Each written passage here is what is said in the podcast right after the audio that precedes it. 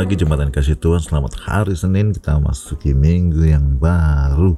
Minggu yang penuh pengharapan karena ada Tuhan Yesus. Amin. Firman Tuhan dari Mazmur 91 ayat 11 Sebab malaikat-malaikatnya akan diperintahkannya kepadamu Untuk menjaga engkau di segala jalanmu. Tuhan Yesus membagikan kepada murid-murid bahwa anak kecil itu ada malaikat nya di surga yang memandang wajah Bapa. Jadi sadar atau tidak sadar bagi anak-anak kecil dan orang yang berlindung pada Tuhan, ada malaikat-malaikat kita yang menjaga kita. Tapi pas saya nggak pernah lihat malaikat saya. Ya nggak semua orang bisa melihat malaikat, tapi di Alkitab kita membaca atas izin Tuhan ada orang-orang yang bisa melihat malaikat. Tapi melihat atau tidak melihat, firman Tuhan katakan, Tuhan memerintahkan malaikat itu untuk menjaga kita di segala jalan kita.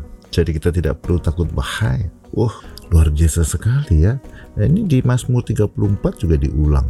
Malaikat Tuhan berkemah di sekeliling orang-orang yang takut akan dia, lalu meluputkan mereka. Kuncinya adalah kita takut akan Tuhan, artinya kita menghormati Tuhan, kita berharap kepada Tuhan dalam segala perjalanan kita, dalam segala situasi.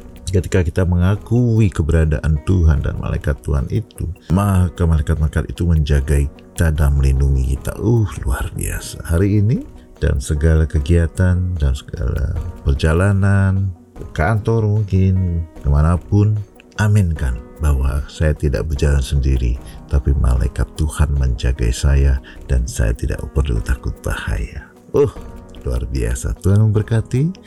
Amin.